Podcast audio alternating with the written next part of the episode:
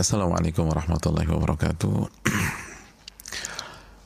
Alhamdulillah hamdan katsiran tayyiban mubarakan fi kama yuhibbu rabbuna wa yarda wassalatu wassalamu ala nabiyyina Muhammadin wa ala alihi wa sahbihi wa man sara ala nahjihi bi ihsanin ila yaumidin wa ba'd. Saudaraku yang Allah muliakan, semoga Allah muliakan kita Semoga Allah berikan taufik kepada kita untuk bersyukur kepada Allah Subhanahu wa taala atas segala nikmat yang Allah berikan kepada kita. Semoga semoga Allah Subhanahu wa taala memberikan taufik untuk bisa bersabar atas kendala yang kita hadapi saat ini. Ujian, rasa sakit, kekurangan harta dan penghasilan atau hal-hal yang menyakitkan lainnya. Semoga Allah Subhanahu wa taala memberikan kita taufik untuk bisa istiqamah di atas tuntunan Nabi kita Sallallahu Alaihi Wasallam dan semoga Allah memberikan ilmu yang bermanfaat dan melindungi kita dari ilmu yang tidak bermanfaat. Allahumma inna nas'aluka ilman nafi'a wa na'udzubika min ilmin la yanfa'.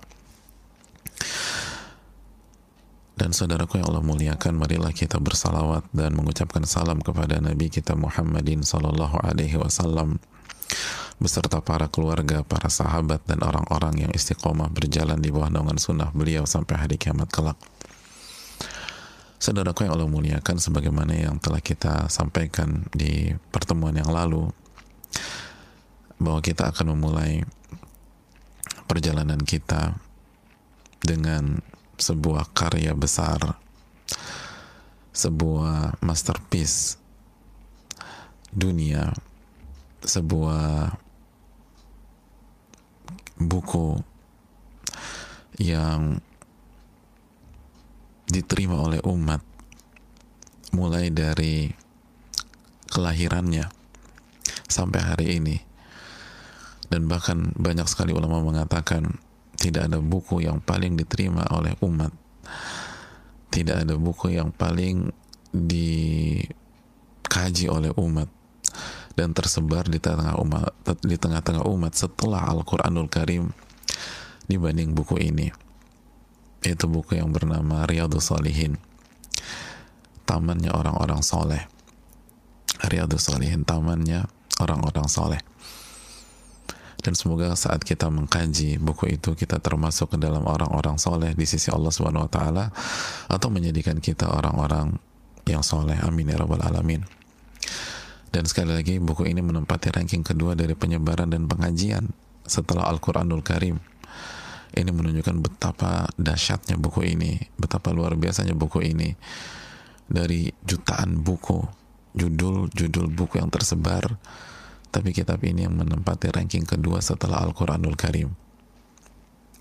Maka sungguh disayangkan ketika usia um, kehidupan kita cuma sekali aja kita tidak pernah berinteraksi dengan buku ini.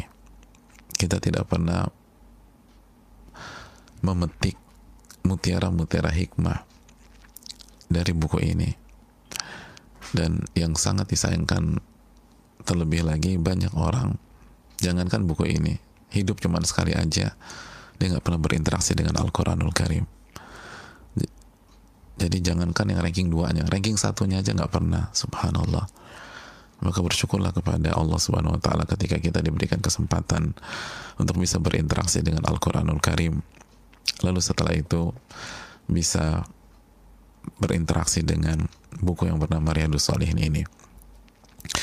Dan saudaraku yang semoga Allah muliakan. Dari mana buku ini berasal? Dari mana buku ini berasal? Dan saudaraku yang Allah muliakan, buku ini berasal dan lahir dari seorang ulama besar. Ulama yang diakui oleh dunia. Beliau bernama Al-Imam Yahya bin Sharaf bin Murri Abu Zakaria atau yang biasa disebutkan dengan Al-Imam An-Nawawi rahimahullahu taala. Yahya bin Sharaf bin Murri bin Hasan bin Hussein bin Muhammad bin Jum'ah bin Jizam Al-Hizam bin Hizam Al-Hizami An-Nawawi Al-Hawari. Eh, Al-Hawrani mohon maaf Al-Hawrani ada Mashki Asy-Syafi'i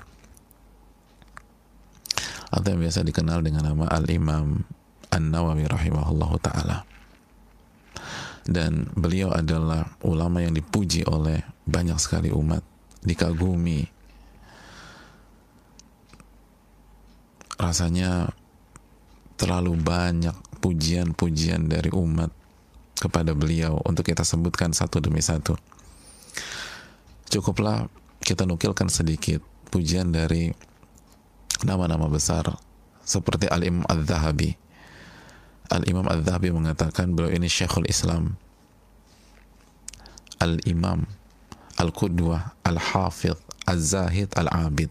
Seorang imam besar dan teladan bagi kita semua. Al-Hafidh. Al-Zahid orang yang zuhud. Al-Abid dan rajin ibadah. Al-Faqih dan pakar fikih yang sangat luar biasa. Al-Mujtahid Ar-Rabbani. Beliau adalah mujtahid mutlak makom tertinggi dalam ilmu fikih. Level tertinggi dalam ilmu fikih. Penulis buku-buku yang diterima oleh umat dari ujung dunia ke ujung dunia yang lain kata beliau. Dan ini bukan hanya testimoni dari Al-Imam Al-Zahabi. Al-Imam Al-Yafi'i pun juga mengatakan beliau adalah Syekhul Islam, Muftil Anam, Al-Muhaddith, Al-Mutqin. Beliau adalah Syekhul Islam, syekhnya umat Islam. Muftil Anam, muftinya seluruh umat Islam, seluruh manusia. Terlepas apa madhabnya, itu muftinya itu Imam Nawawi. Subhanallah. Dan menariknya beliau katakan, Al-Bahru, Al-Mufid, Al-Qarib, Wal-Ba'id beliau itu lautan. Dan manfaatnya bisa dinikmati oleh orang-orang yang dekat dan orang-orang yang jauh. Subhanallah. Laut. Tapi manfaatnya bisa dinikmati oleh orang-orang yang dekat dan orang-orang yang jauh. Laut seperti apa itu? Laut biasanya dinikmati oleh orang-orang yang dekat anak-anak pantai. Itu menikmati. Menikmati laut tersebut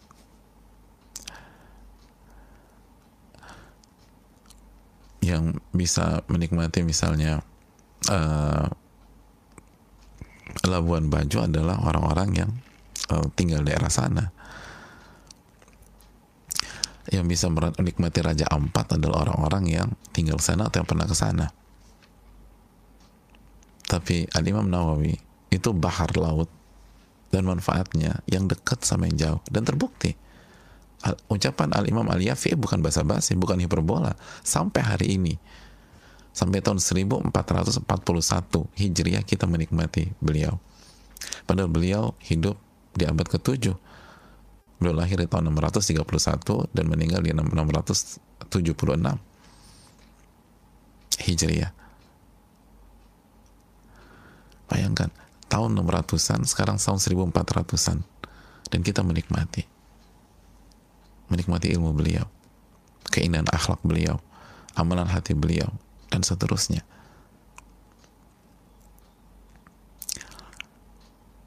Alim besar, saudaraku. Ulama yang berasal dari madhab syafi'i. Salah satu fuqaha syafi'iyah. Dan kita tahu syafi'iyah adalah madhab yang dipilih oleh mayoritas umat Islam di Indonesia. Jadi ini tokoh besarnya madhab syafi'iyah dan layak dijadikan acuan. Layak diambil fatwa-fatwanya. Bagaimana nggak layak? Kata Imam Yafi tadi muftil anam muftinya manusia. Dan Al-Imam Ibn Kathir juga mengatakan Al-Imam Al-Allamah Syekhul Madhab ini guru besarnya Madhab Syafi'i Oleh karena itu hadirin Allah muliakan. Kenapa kita perlu mengangkat keterangan para ulama tentang beliau? Karena sekali lagi Islam agama kita itu selalu mengajak kita belajar dari yang terbaik. Belajar dari yang terbaik. Mulai dari generasi terbaik, wasabiqun al-awwalun minal muhajirin wal ansar dan orang-orang yang pertama kali masuk Islam. Dari kalangan muhajirin dan ansar. Walladzina taba'uhum bi ihsan dan orang-orang yang mengikuti mereka dengan baik. Surat At-Taubah ayat 100 Allah mengatakan dan yang pertama-tama kali masuk Islam. Dari kalangan muhajirin dan ansar para sahabat. Dan orang-orang yang mengikuti mereka dengan baik. Radhiyallahu anhum wa radu'an Allah ridho kepada uh, Allah ridho kepada mereka dan mereka ridho kepada Allah. Ayat ini mem menjelaskan pujian dan ridho Allah terhadap orang-orang yang mengikuti para sahabat. Mengikuti para sahabat muhajirin dan ansar.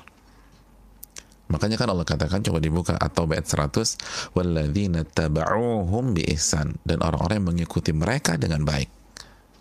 Mengikuti siapa? Muhajirin dan Ansor, para sahabat Nabi SAW. Kenapa mengikuti para sahabat diri dia oleh Allah Subhanahu wa taala? Karena mereka lah manusia terbaik setelah nabi dan rasul. Sebagaimana keterangan langsung dari nabi kita sallallahu alaihi wasallam khairun nasi qarni dalam hadis Bukhari sebaik-baik manusia itu generasiku sebaik-baik manusia generasiku jadi Islamlah yang mendidik manusia untuk selalu belajar dari yang terbaik karena yang terbaik itu beda memang levelnya beda kualitasnya beda cara berpikirnya berbeda konsepnya beda kalau konsepnya sama nggak mungkin jadi yang terbaik. Kalau konsepnya sama nggak mungkin belajar yang terbaik. Eh nggak mungkin menjadi yang terbaik, mohon maaf. Belajar dari yang terbaik. Belajar dari yang terbaik. Kenapa orang ingin masuk ITB atau UI atau IPB atau UGM atau UNER atau ITS dan lain-lain karena nama-nama kampus tersebut adalah kampus-kampus di antara kampus-kampus terbaik sekali lagi di antara karena kita nggak mungkin sebutkan satu demi satu di antara kampus-kampus terbaik yang ada di negeri ini maka wajar setiap anak SMA pengen masuk ke sekolah-sekolah tersebut. Itu fitrah manusia itu logika. Kenapa orang pengen kalau pengen itu pengen lebih kalau di luar pengen lebih lagi ingin belajar di Oxford misalnya di Harvard misalnya atau di Stanford misalnya. Karena itu di antara kampus-kampus terbaik di dunia. Di antara kampus-kampus terbaik di di dunia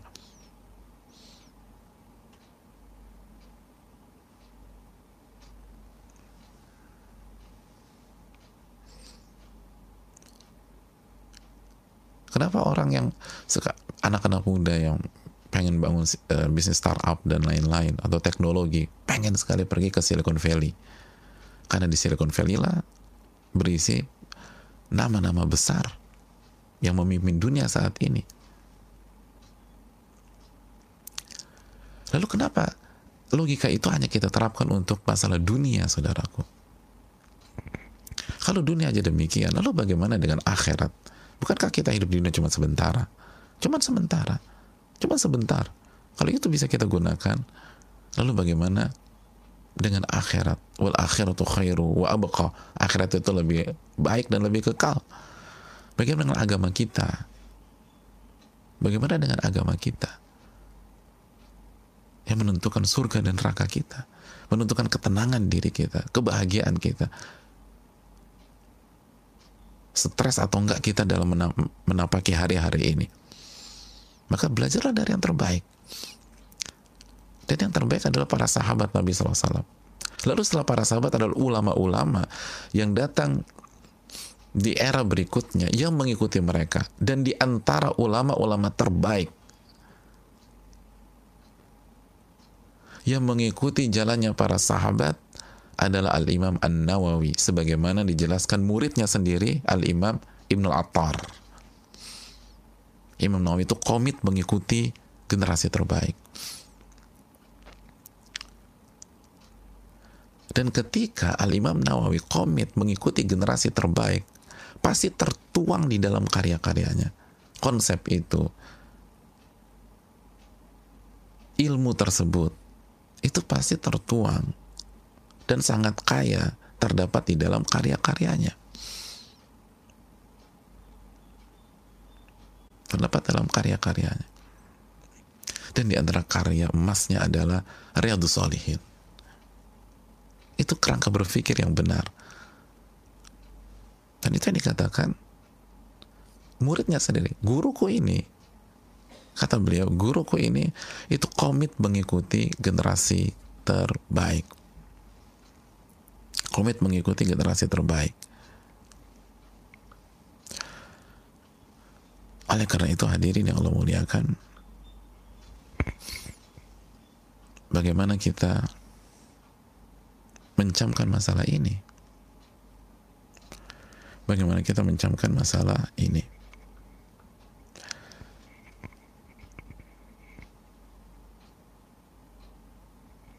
Sehingga kita nggak salah. Kita harus pastikan kita bukan hanya belajar dari yang baik, tapi belajar dari yang terbaik. Kita belajar dari yang terbaik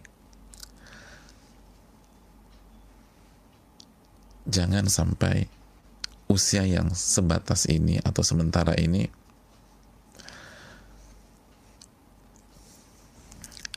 itu terbuang sia-sia. Hidup cuma sekali, saudaraku, dan cuma sebentar. Maka yang sebentar ini gunakan untuk belajar dari yang terbaik. Dan di antaranya adalah Al-Imam An-Nawawi rahimahullahu ta'ala. Al-Imam An-Nawawi rahimahullahu ta'ala. Ini yang perlu kita camkan bersama-sama karena itu yang diarahkan oleh para ulama kita dan itu yang disampaikan oleh mereka sebagaimana dikatakan al-imam Ibnu Al-Attar kata beliau guruku ini sadikan fi kulli dhalika tariqata salaf. Guruku itu menempuh jalan generasi terbaik. Sahabat radhiyallahu taala anhum, tabi'in dan atba'ut tabi'in. Itu dikatakan dalam kitab Tuhfatul Talibin. Dan saudaraku, sebagaimana tadi sudah kita dengar, apa yang dikatakan oleh Al-Imam Al-Zahabi, bahwa beliau ini imam Al-Yafi'i, Al-Imam Yafi juga mengatakan Al-Bahrul Al-Mufid Al-Qarib Al-Ba'id. Beliau itu ibarat samudra yang memberikan manfaat kepada orang yang dekat dan orang yang jauh. Bahkan sampai kita menikmati karya beliau. Beliau sebagaimana kata Imam Al-Imam Nukathir, Syekhul Madhab, guru besarnya madhab Syafi'iyah. Muftil Anam, muftinya atau mufti itu pemberi fatwanya seluruh manusia. Ini ulama yang sangat luar biasa. Sangat luar biasa. Dan saudaraku yang Allah muliakan. Dan hidupnya atau kehidupannya kehidupannya dan karyanya itu ajaib jamaah. Ajaib. Riyadus Solihin itu hanya satu dari karya beliau. Dan memang salah satu yang paling terbaik dari segi penyebaran tentu saja. Tapi itu baru satu. Kalau kita lihat bagaimana kehidupan beliau, waduh, gak masuk akal.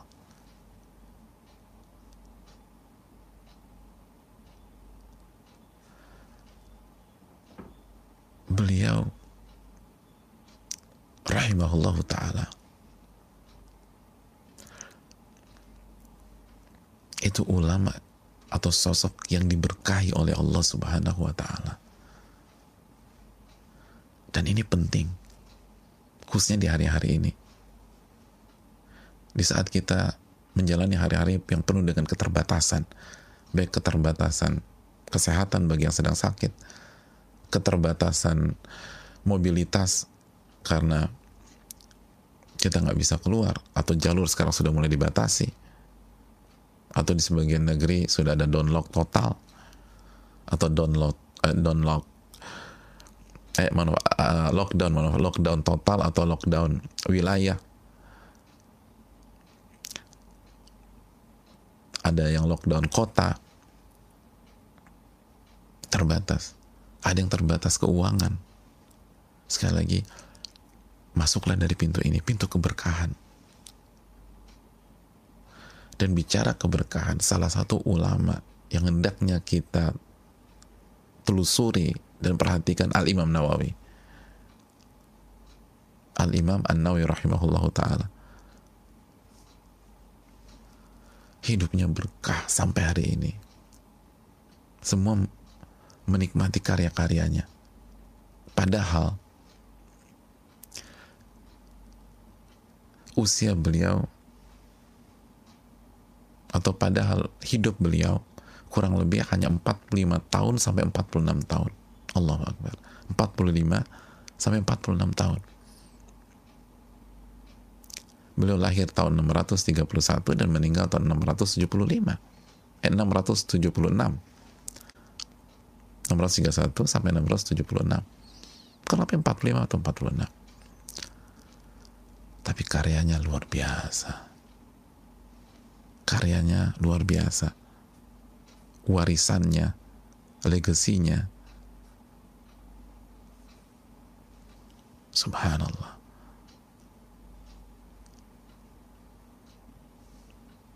sebagian ulama mengumpulkan beliau mewariskan 60-an kitab ada yang bilang 69 bahkan ada sebagian ulama bilang sampai tembus 100 69 kitab. Betul, banyak orang yang punya karya tulis dan buku yang berjudul-judul atau ber uh, bertema-tema 69 bukan hal yang aneh temenku udah nulis 100 buku Ustaz temenku ada yang 70 buku temenku ada 80 buku iya tapi kalau 69 itu hampir semua bahkan semuanya masterpiece, siapa yang bisa?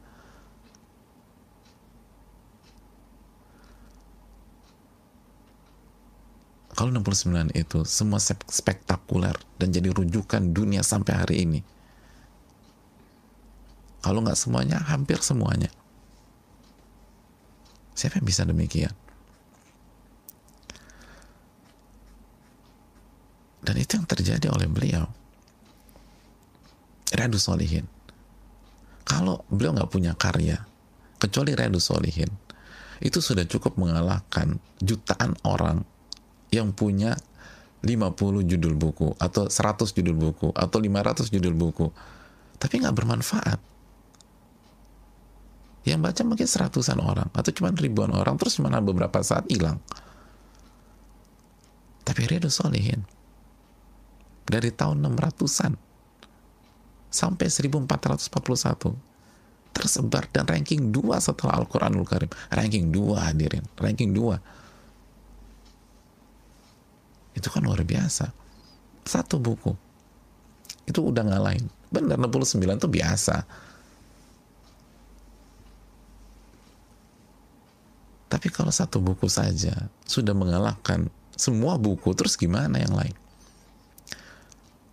belum lagi Arba'in Nawawiyah atau Arba'un Nawawiyah. Arba'in Nawawiyah banyak mengatakan itu salah satu buku dasar hadis terbaik di dunia.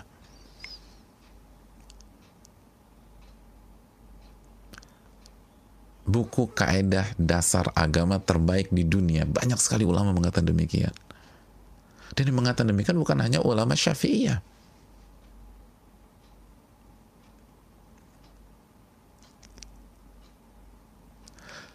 Saya sering dengar dari ulama-ulama Timur Tengah, Middle East hari ini, yang notabene Hanabilah, Hanbali, bukan Syafi'iyah, mengatakan bahwa guru-guru kami menasehati mempelajari Arba'in Nawawiyah, Arba'in Nawawiyah, Arba'in Nawawiyah lin Nawawi. Padahal Hanabilah. Oh, diterima Arba'in Nawawiyah. Sudah hadirin. Itu buku masterpiece untuk mempelajari kaedah-kaedah agama bukan hanya sebatas buku hadis tapi buku membahas kaidah-kaidah para ulama dan agama belum lagi al-minhaj syarah muslim keterangan hadis-hadis dalam kitab Imam Muslim. Sahih Muslim. Itu buku tanya ke ustadz-ustadz kita ke kiai-kiai kita ke habib-habib kita yang benar-benar belajar. Siapa yang nggak pernah baca buku itu? Atau siapa yang nggak menjadikan buku itu sebagai rujukan ustadz-ustadz kita atau kiai-kiai kita? Al-minhaj muslim. Mungkin hampir 100% penuntut ilmu sampai hari ini ketika belajar hadis muslim dia akan beliau dia akan buka soy, uh, al-minhaj cara muslim al-imam nawawi padahal syarah muslim bukan hanya beliau yang mensyarah tapi rujukan orang beliau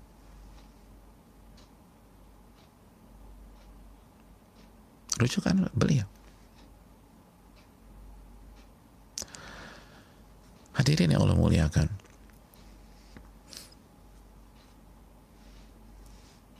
Belum lagi Rodotul Talibin. Rodotul Talibin. Tanya siapa kiai atau ustadz berhadap syafi'iyah yang nggak tahu Rodotul Talibin. Rodotul Talibin, subhanallah, itu rujukan dalam madhab Syafi'iyah.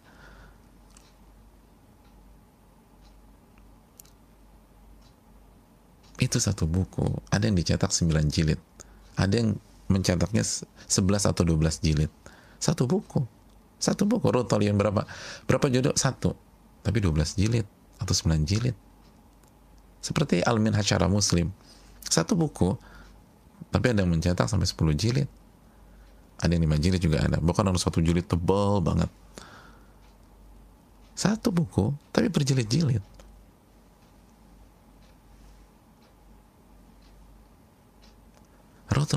Raudul Talibin adalah rujukan dalam adab syafi'iyah. Belum lagi Al-Minhaj. Ringkasan dari Al-Muharrarnya Al-Rafi'i. Itu juga rujukan dalam madhab syafi'iyah. Dan yang paling fenomenal dalam ilmu fikih adalah Al-Majmu' Syara Muhadzab Al-Majmu' Syarah Muhadzab. Itu saudaraku yang Allah muliakan. Itu buku fikih menjelaskan sebuah kitab yang berjudul Al-Muhadzab karya Al-Imam Ash-Shirazi.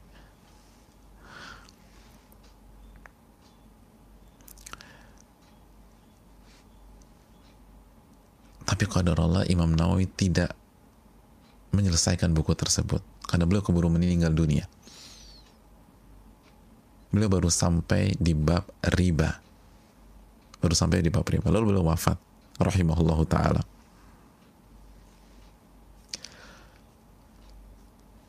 Lalu dilanjutkan oleh Al-Imam Taqiyuddin As-Subki. Tapi nggak banyak juga, cuma tiga jilid lalu beliau wafat. Lalu dilanjutkan oleh beberapa pihak, di antaranya Syal Muti'i. Itu kata para ulama. Jika Al-Imam Nawawi berhasil menyelesaikan mahtija ila ghairihi, kita nggak butuh buku lain kecuali Al-Majmu' itu buku terbaik di dunia dalam ilmu fikih. Kalau sampai selesai. Sekarang aja itu buku yang harus dimiliki oleh para penuntut ilmu fikih. Itu kalau selesai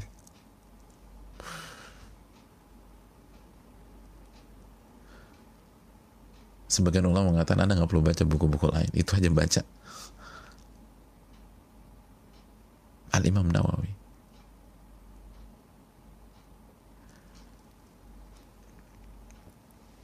belum lagi Al Adhkar dalam bab zikir belum lagi At-Tibyan fi adabi hamalatil Quran. Dalam bab adab penuntut ilmu khususnya ahli Quran. Dan masih sangat-sangat banyak sekali buku tersebut. Belum lagi buku Mukhtasar Adab al-Istisqa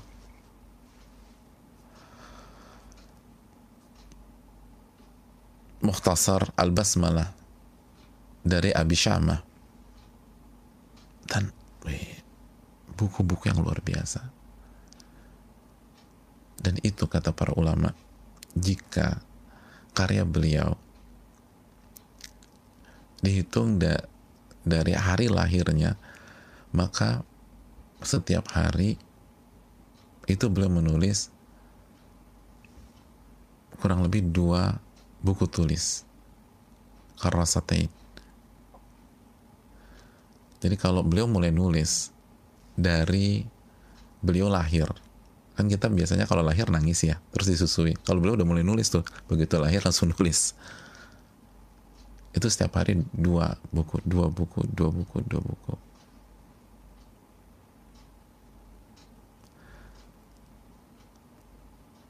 Bahkan sebagian ulama ada yang mengatakan diriwayatkan beliau itu nulis buku bukan dari awal. Tentu saja bukan dari awal. Mana ada orang bayi hari pertama langsung nulis buku? Gak ada. Beliau baru mulai belajar start belajar di usia 19an tahun. Dan itu pun belum nulis buku. Sebagian orang mengatakan beliau nulis buku startnya di usia 30-an tahun bayangkan start nulis buku 30-an tahun lalu 45 tahun meninggal lalu karyanya seperti ini. Subhanallah. Makanya ajaib jamaah ajaib.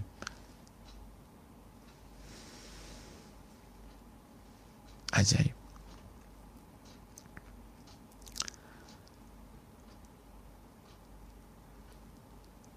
Ini yang dinamakan keberkahan makanya setiap ulama ketika membahas tentang keberkahan keberkahan waktu ke ke keberkahan hidup keberkahan usia itu salah satu contohnya Al Imam An Nawawi rahimahullah taala.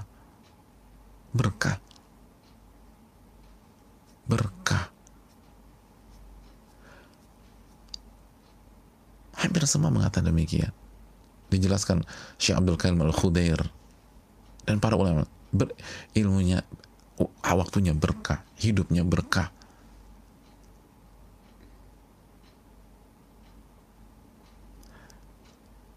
Kok bisa buat karya seperti itu? Ilmunya demikian. Al-Imam Al-Zahabi ketika menjelaskan biografi atau menjelaskan Imam Nawawi mengatakan sosok ini sabar dalam menjalani kerasnya hidup.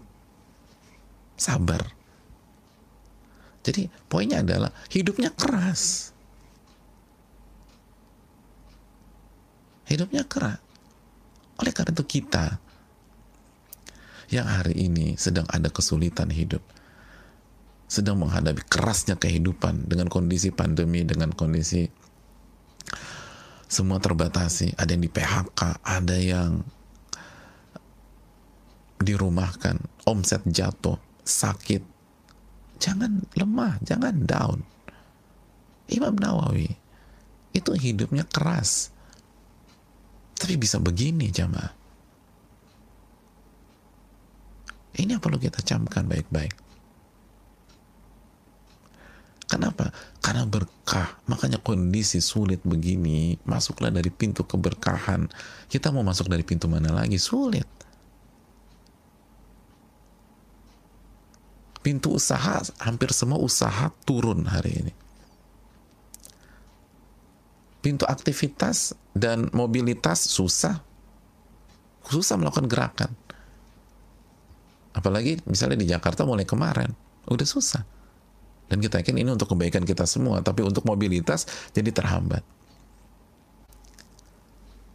Bahkan naik mobil aja dibatasi penumpangnya. Susah ini harus masuk dari pintu keberkahan. Mau kerja susah semua kerja sekarang. Masuk dari pintu keberkahan, saudaraku. Itu Imam Nawawi. Nah pertanyaan kok beliau bisa berkah? Dari mana asal keberkahan beliau tersebut? Kok bisa? Dapat ini, dapat itu. Dalam kesulitan atau dalam kerasnya kehidupan. Keras loh. Sebagian mengatakan beliau itu di beberapa fase kehidupannya itu makan cuma sekali. Imam Nawawi rahimahullah makan cuma sekali. Dalam riwayat yang lain di, di, dijelaskan sebagian ulama beliau tuh kalau makan cuman roti yang keras sama buah tin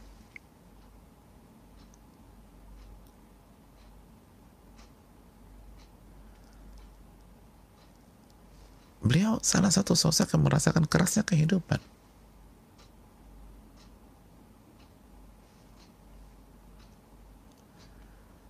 Makanya kan dalam cerita kan ketika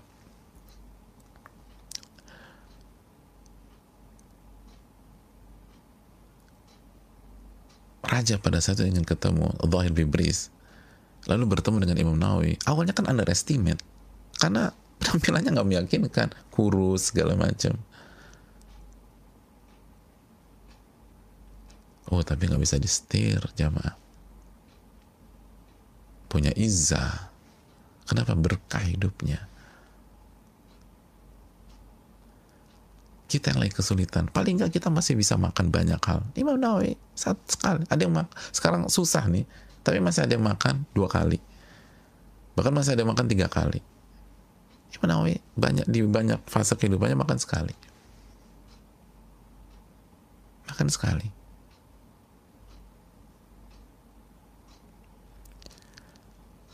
Ini yang perlu kita camkan. Nah, mengetahui cerita tentang beliau ini, ini salah satu cara kita mengangkat moral kita, moral kita, semangat kita agar kita nggak terpuruk. Kita harus bangkit dengan meminta pertolongan kepada Allah. Kuncinya keberkahan. Itu karya-karya itu itu di beliau hasilkan dengan taufik Allah bukan dengan kehidupan yang serba mewah dan lapang enggak itu yang dikatakan Imam Zahabi kehidupan keras bukan mewah kehidupan keras.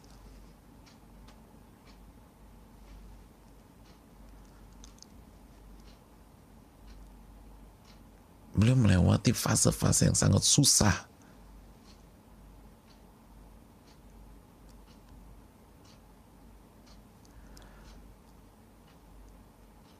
Tapi beliau berhasil dengan taufik Allah membuka pintu keberkahan. Allah berkahi, subhanallah.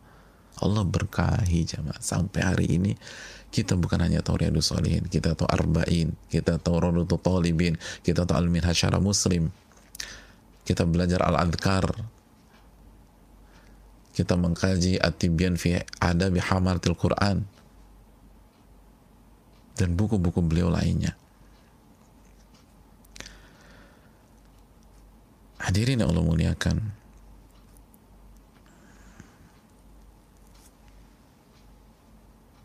Masuklah dari pintu keberkahan sebagai Imam Nawawi masuk dari pintu keberkahan.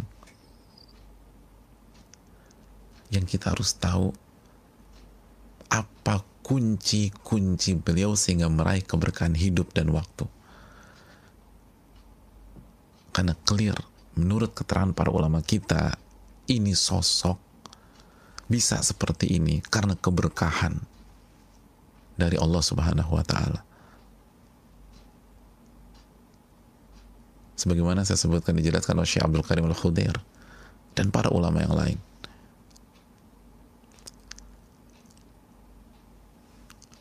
Nah, apa yang beliau lakukan? Bagaimana cara mendapatkan keberkahan tersebut? Faktor-faktor apa? Kunci-kuncinya seperti apa? Sehingga kita bisa teladani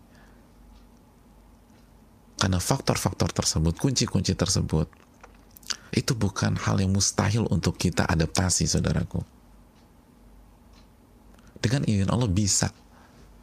Walaupun mungkin levelnya nggak seperti beliau.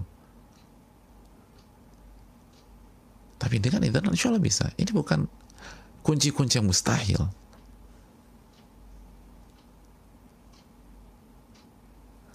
Dan nggak harus bayar. Nggak nggak keluar uang banyak.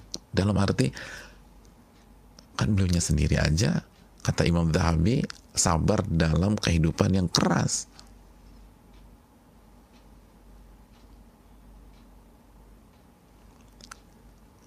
Untuk menjalankan kuncian-kuncian ini atau apa yang beliau lakukan selama hidup beliau ini sangat cocok untuk kita di kondisi-kondisi seperti ini. Kalau misalnya iya tapi bayar dulu 100 juta. Ya banyak dari kita tutup buku udah udah nggak bisa deh. Memang saya efektif tapi saya nggak punya uang 100 juta. Ini nggak ada 100 juta. Ini anda nggak harus bayar 50 juta. Ini free. Dan beliau terapkan. Dan beliau pun sabar dalam kehidupan yang keras. Dan di banyak waktu dalam hidup beliau makan cuma sekali.